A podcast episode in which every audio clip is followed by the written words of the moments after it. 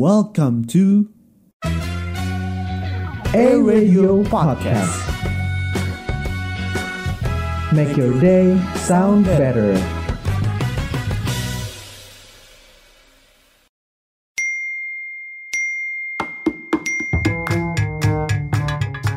Eh, eh, udah ada, udah ada.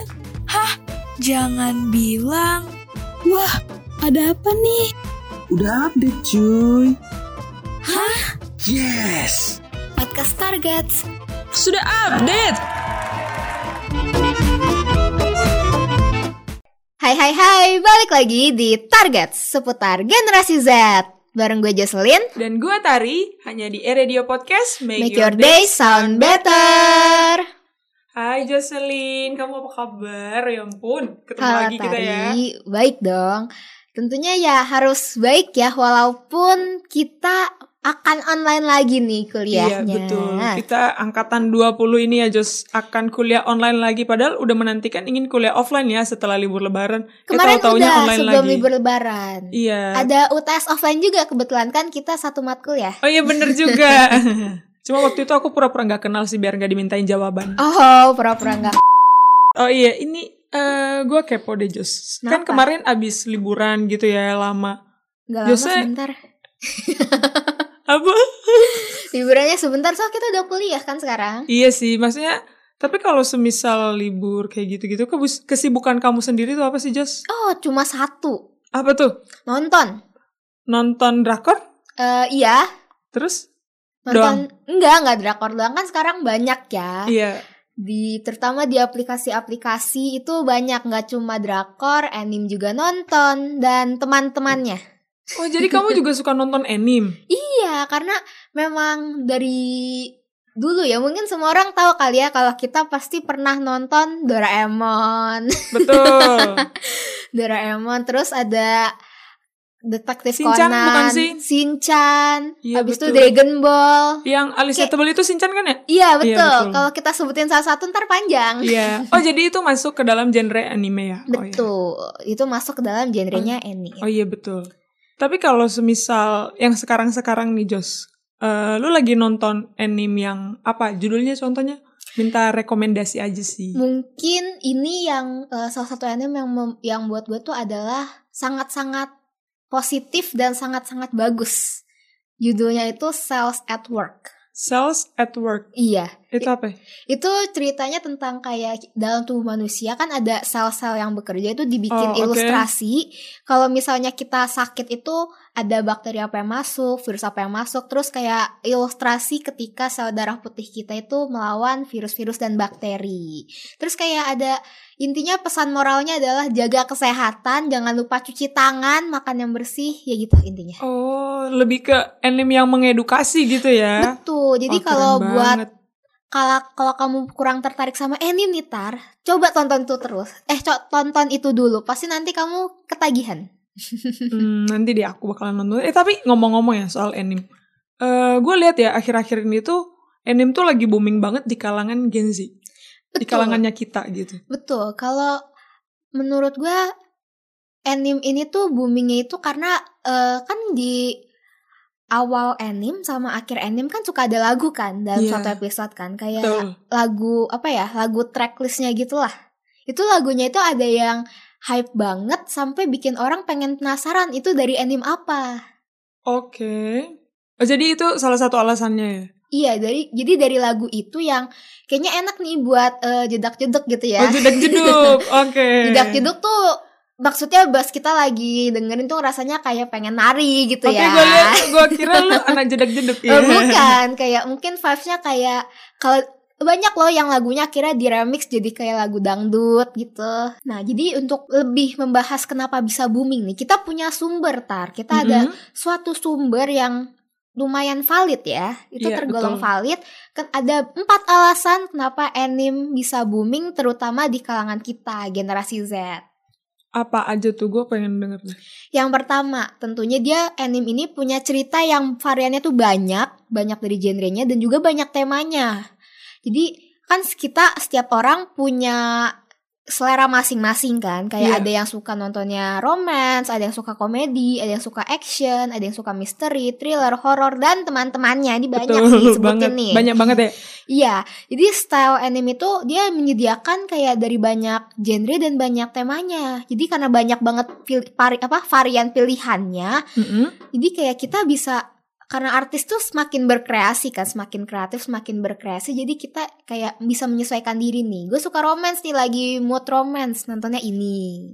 Lagi pengen belajar nih, kayak tadi bisa nonton Self at Work Oke. gitu. Pengen yang mellow-mellow, sedih-sedih bisa nonton Kotaro Lives Alone dan teman-temannya banyak ya. Oh jadi itu menjadi salah satu alasan kenapa eh, anime ini jadi booming ya di Gen Z karena eh, bisa me- apa namanya menyesuaikan mood ya. Jadi nonton apa gitu. Iya, jadi Gitu. kayak misal Tari nih sekarang lagi moodnya apa ya? Pengen nonton yang sedih-sedih. Bisa nih nonton Kotaro Lives Alone. Nanti dicari aja Kota Tari ingat ya. Live Alone. Kotaro Lives Alone. Oh, Live Alone. Iya, Oke. jangan nangis ya sediain tisu dulu. Oke, mungkin harus ke supermarket dulu ya Iya, beli tisu supermarket dulu ya beli tisu ya. Iya. Oke, jadi selain genrenya banyak, eh anime ini juga booming di Gen Z itu katanya karena media streamingnya itu menyediakan pilihan anime yang beragam. Betul. Jadi makin banyak media streaming gitu ya. Iya, banyak banget kayak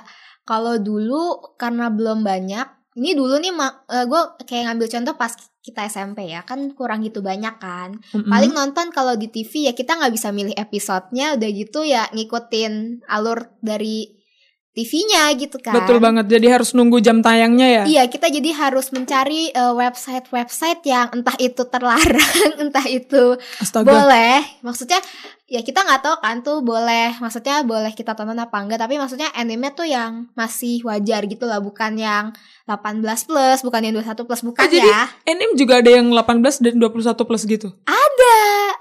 Ngeri juga ya. Ada, tapi kita nggak akan bahas itu. Oke, itu iya. iya tidak boleh karena Iya. pendengar kita kan masih ada yang bocil-bocil ya, Iya, belum kita saatnya. masih imut-imut begini. Kita kalau sekarang kita ambil contoh kayak ada Netflix, ada Viu, Crunchyroll dan teman-teman lainnya tuh mereka sekarang sudah menyediakan varian anime yang bisa ditonton. Iya, jadi kayak jadi banyak platform gitu ya yang menyediakan. Oh iya, selain karena banyak platform juga, ini juga penyebabnya karena eh, penyakit Gen Z sih, yang katanya FOMO. Ya itu mah Jadi- penyakit semua generasi. ya. Iya, takut ketinggalan sesuatu, jadinya ikut-ikutan tren. Iya bukan sih? Iya, jadi kalau misalnya kar- jadi karena sekarang kita punya penyakit FOMO karena kita, dan udah banyak kan tadi akses buat nonton animenya kan dia kan jadi makin booming nih si anime. Mm-mm, betul banget. Jadinya kayak kalau kita buka TikTok gitu ya. Kita nggak di endorse TikTok nih ya. Ya, nggak ada, nggak ada, nggak ada. Oke udah, kita buka IG juga banyak tuh yang menawarkan rekomendasi-rekomendasi anime yang lagi booming yang bisa kita tonton tar. Jadi Oke. buat temen-temen yang takut FOMO bisa dicari tahu nih top 10 recommended anime di bulan Mei kayak gitu. Iya, betul banget. Eh, selain mungkin selain dari tadi yang aplikasi-aplikasi itu ya, mungkin juga dari rekomendasi temen. Soalnya kemarin tuh gue nanya temen gue kan karena tiba-tiba dia ngirim eh, kayak sepotong Cuplikan. iya cuplikan dari anime itu ke storynya dia. Terus gue tanya eh, ini eh, film apaan? Gitu ya. Kayak seru aja gitu. Mungkin karena kayak gitu juga sih. Iya bener, kayak contohnya di aplikasi TokTok. oke top di aplikasi TokTok tuh lagi dia tuh suka banget nggak tahu ya di FYP gue dia tuh suka banget ada cuplikan-cuplikan tentang suatu anime yang namanya Spy Family. Spy Family Iya. mata-mata Dia eh, dibilang mata-mata iya tapi karakter utamanya kan kayak anak kecil gitu kan anak kecil Oke. yang punya eh, dalam tanda kutip bapaknya itu bapak angkat dibilang bapak angkat iya gitu kan dia kayak bapak angkatnya tuh ada seorang mata-mata Hmm. dan si anak kecilnya ini kan lucu gitu kan Iya. jadi kayak menurut kita ih lucu banget nontonnya jadi kayak ada dari situ kita karena kita takut FOMO tadi jadi pada nonton dan dia sampai masuk ke top 10 nya Netflix Indonesia Wow gile. Memangnya kekuatan netizen Indonesia sangat-sangat luar biasa Iya dan sepertinya sangat berpengaruh ya di sangat dunia hiburan. berpengaruh. Dan kayak tadi karena sekarang kan sudah semakin berkembang kan tar. Kualitas visual dari anime tuh sekarang tuh makin membagongkan. Ah, Maksudnya tuh membagongkan. eh, ini membagongkan yang positif ya, bukan Oke. yang negatif. kayak gimana tuh? Jadi semakin ini membagongkannya yang positif. Maksudnya tuh kayak wow banget gitu loh, bikin wow banget. Kayak kan kalau dulu kayak cuma apa ya? Kayak gambarnya kayak kelihatannya B aja ah, gambarnya B aja. Iya, kayak mungkin kayak Naruto ya yang Iya. Naruto dulu kayak cuma cuma kayak ya udah gambarnya ya ya udah kayak menurut kita ya udah B aja gitu kan. Tapi karena sekarang makin banyak aplikasi-aplikasi buat meng edit. ilustrasikan dari apa yang storyline yang dipunya sama si ilustratornya ini sama autornya ini jadi visual dari anime ini makin bagus kalau kita ngeliat ya dari ya. perkembangannya ya dari tahun 1800-an tuh pertama Iya, kali pasti anime dong. ada Pasti itu wah gila tar beda banget ya. Pasti. beda banget kayak gue jadi berandai-andai gitu loh itu udah 100 tahun aja udah berkembang sebagus sekarang apalagi Hmm. nanti 100 tahun men- mendatang gitu kan Iya. Di saat anak cucu kita yang lagi nonton ya. iya Iya. sekarang aja kita bisa bilang visualnya satisfying kayak bisa membayangkan gitu loh 100 tahun lagi kayak gimana Mungkin 100 tahun ke depan mungkin bisa langsung kan kalau sekarang masih dua dimensi ya. Mungkin 100 tahun ke depan bisa langsung tiga dimensi kayaknya. Iya oh mungkin ini kita bisa nonton anime di ini apa namanya mood di multiverse ya oh di metaverse Oh, metaverse. Ke bawah-bawah ya karena episode kemarin ya. Iya episode 2 ya Kita selalu terbayang-bayang episode 2 Oke, selain vi- kualitas visualnya yang membagongkan atau yang bisa dibilang sekarang satisfying, eh, karakter dan topik yang dibawakan oleh anime ini juga relatable banget. Contoh nih ya, gen yang genrenya slice of life. Jadi ini membawakan potongan-potongan dari kehidupan kita sehari-hari. Iya kayak tadi yang gue bilang Yang gue rekomendasin yang agak mellow Dia tuh juga termasuk slice of life Slice of life si Kotaro Lives Alone ini kayak Menurut gue si autornya ini keren banget Karena bisa membuat kita jadi relate banget sama si anime Oke. Jadi kayak apa ya? eh karena dia bikin bikin judul yang emang relate sama jalan cerita animenya sama dia bikin tentang si karakter ini yang emang menunjukkan banget gitu dari makna si autornya kayak membuat kita bener-bener dapat banget nih emosinya kayak keluar banget emosi sampai kayak kita bisa yang mungkin punya pengalaman serupa sama si Kotaro ini jadi makin mewek kali ya Makin dibilangnya mewek ya. ya. Nah, ini yang eh, bagus banget dari anime ini sih kayaknya karena dia bisa memainkan emosi eh, para pe penontonnya, Iya. iya kan? Nanti tolong di-cut ya yang pepe tadi itu. Iya, jadi kayak karena kita dibikin emosional, itu makin apa ya? Makin membuat kita tuh pengen tahu nih, ntar ending dari anime gimana. Iya, mungkin yang awalnya cuma nonton satu atau dua episode tiba-tiba jadi kepengen sampai akhir gitu iya, betul. Karena kalau mungkin cuma nonton satu dua episode, kalau misalnya udah nggak seru kan nggak akan kita lanjutin. Bener kan? Tapi kalau dari episode 1, 2, 3 itu seru, pasti bakal kita lanjutin sampai habis. Bener. Selain fun fact yang tadi kita udah kasih tahu nih ya, Jos. Jadi ada survei dari Crunchyroll itu menunjukkan bahwa 6 hanya 6% dari responden yaitu yang berasal dari kalangan Gen Z yang nggak tahu anime. Nah, sisanya itu adalah yang tahu aja dan tahu banget soal anime. Jadi kalau boleh cerita sedikit, ini Boleh, ya, boleh, ini Jos, boleh. boleh. cerita sedikit ya. ya. Ini gue cerita ini gue waktu itu belum lama gue tanyain ke temen gue karena dia tiba-tiba ngirimin gue kayak tadi cuplikan tapi ini versi live action dari animenya Mm-mm. tentang eh, anime namanya Kakegurui. Dia tuh kan ada live actionnya dan dia tuh nggak tahu kalau itu tuh memang ada versi kartunnya gitu loh. Dan iya itu kayak dia menunjukkan kalau dia cuma tahu oh ini kayaknya ini drama Jepang gitu loh tapi dia nggak tahu kalau itu anime. Oke. Iya. Jadi Dan- sebenarnya ada dramanya dan ada yang versi kartunnya gitu. Iya, ada yang kalau misalnya emang si animenya ini tuh versi kartunnya ini naik banget, maksudnya sampai hype banget gitu ya, sampai Iya. semua orang kayak menanti-nantikan, itu pasti bakal ada live actionnya. Dan Oh, wow. Iya, dan gue nonton itu kan, dan gue menantikan kayak jadi semakin menantikan nih episode mendatang versi kayak season selanjutnya gimana gitu, karena dia udah bisa berhasil apa ya pas dari season pertamanya itu udah, udah bikin kita kayak ah season kedua kayak gimana ya, season Oh, ketiga jadi kayak makin gimana bikin ya, penasaran gitu ya. bikin makin penasaran. Keren juga nih. Listeners, udah tahu belum? Apa tuh? UKM Fodim atau UKM Forum Diskusi Ilmiah Unikat Majaya baru aja ngeluarin majalah online. Wah, Yang bener aja Jus, majalah apaan? Bener, nama majalahnya itu majalah Gaudeamus. Isinya informatif banget tentunya. Banyak artikel-artikel yang bermanfaat dan menarik buat ngenalin terutama tentang si UKM Fodim ini bagi internal dan eksternal Unikat Majaya. Wah gila ini kayaknya keren banget deh. Jadi gue langsung cus baca deh Jos. Bisa banget tar, jadi kamu langsung cek aja ya IG-nya Fodim at Fodim Atma. Jadi kan tadi kita baru aja menjelaskan nih tentang kenapa sih si anime ini tuh bisa se-booming sekarang ini di generasi Z dari sumber yang valid tadi tar. Tentunya di sisi Mhm. booming tadi itu pastinya bakal ada stigma-stigma nih bagi para pecinta anime. Oh ya jadi muncul stigma-stigma gitu ya. Iya, tentunya yang mungkin paling sering kita denger kali ya Tar ya. Mm-mm. Wibu. Aduh, wibu. Katanya wibu adalah kaum terkuat di bumi. Bener itu ada ada yang ngomong kayak Ada gitu kan? ada Iya. ada. Ber kalau wibu ini kalau menurut sumber yang valid dia tuh wibu itu adalah orang yang suka banget sama kebudayaan Jepang tapi secara berlebihan. Iya, yang bisa dibilang fanatik ya Iya. gitu.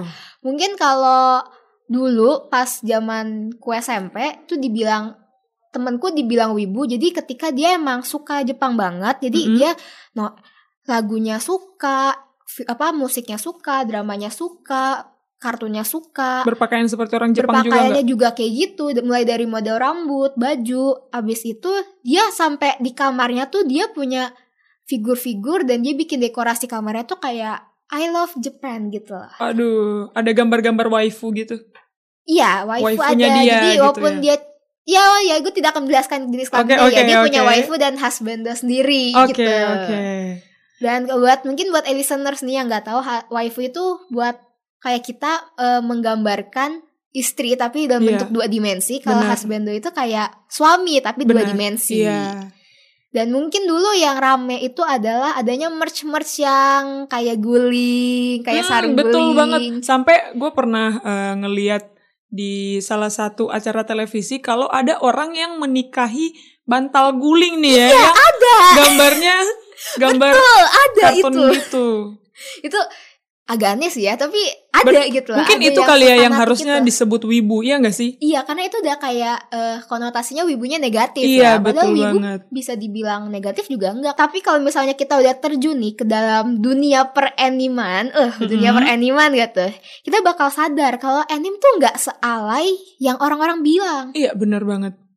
Karena kayak tadi banyak pelajaran yang bisa di di- diambil, yang banyak banyak pelajaran yang bisa diambil. Kayak tadi tuh self at work itu bisa buat terutama nih buat teman-teman yang lagi sekolah ya, yang lagi Mhm. belajar biologi itu akan membuat kalian semakin paham gitu loh. Jadi mudah maksud-maksud paham ya, karena kalian.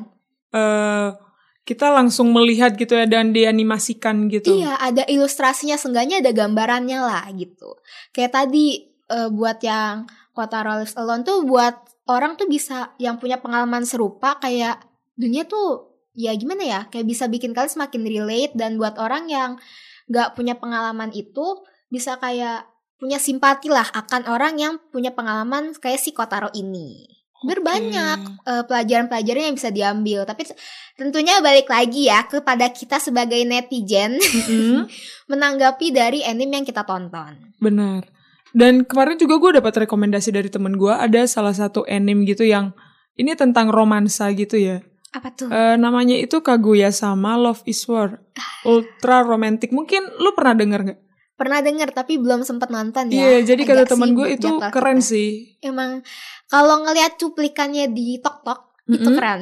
Iya, jadi kayak ada. Nah, jadi eh, film itu, maksudnya anime itu tuh menceritakan tentang dua orang yang saling suka ya, tapi gengsi gitu untuk mengungkapkannya. Biasanya ini kan terjadi bang, terjadi banget gitu ya, relate banget sama anak-anak muda zaman sekarang. Iya nggak sih? Iya betul, Iya. relate banget. Jadi buat kamu yang tidak bisa mengungkapkan perasaan dengan baik bisa tonton ya. Kebetulan karena saya juga belum nonton, mari kita nonton bareng-bareng. Mungkin itu ide yang bagus biar kita bisa nonton bareng-bareng nih. Iya kita nobar bareng-bareng. Soalnya gue juga FOMO nih. Ah, FOMO ya, ternyata Benar. hari ini FOMO. Tapi jangan takut FOMO tar karena bentar lagi kita bakal tonton ini akhirnya kita tahu tentang rekomendasi temen lu ini beneran cocok genrenya sama kita apa enggak. Jadi buat eh listeners yang belum nonton atau misalnya pengen nobar bareng kita boleh banget komen aja di postingan Atma Radio tentang episode kali ini. Pengen dong nonton nobar bareng atau apa gitu ya atau komen nobar bareng yuk kak gitu Iya boleh banget. Jadi nanti bisa call kita. Nanti kita bisa mungkin bikin link zoom bareng ya. Jadi iya kita bisa, nonton bikin bareng. link Zoom bar- bareng atau enggak Bareng. kita kasih link nontonnya kali ya Bisa, bisa, bisa juga kayak gitu. Bisa. Sekian buat episode hari ini. Jangan lupa buat terus dengerin podcast Target setiap hari Jumat. Hanya di Radio Podcast, make your day sound better. Gue Jocelyn. Dan gue Tari. Sampai jumpa. Bye-bye.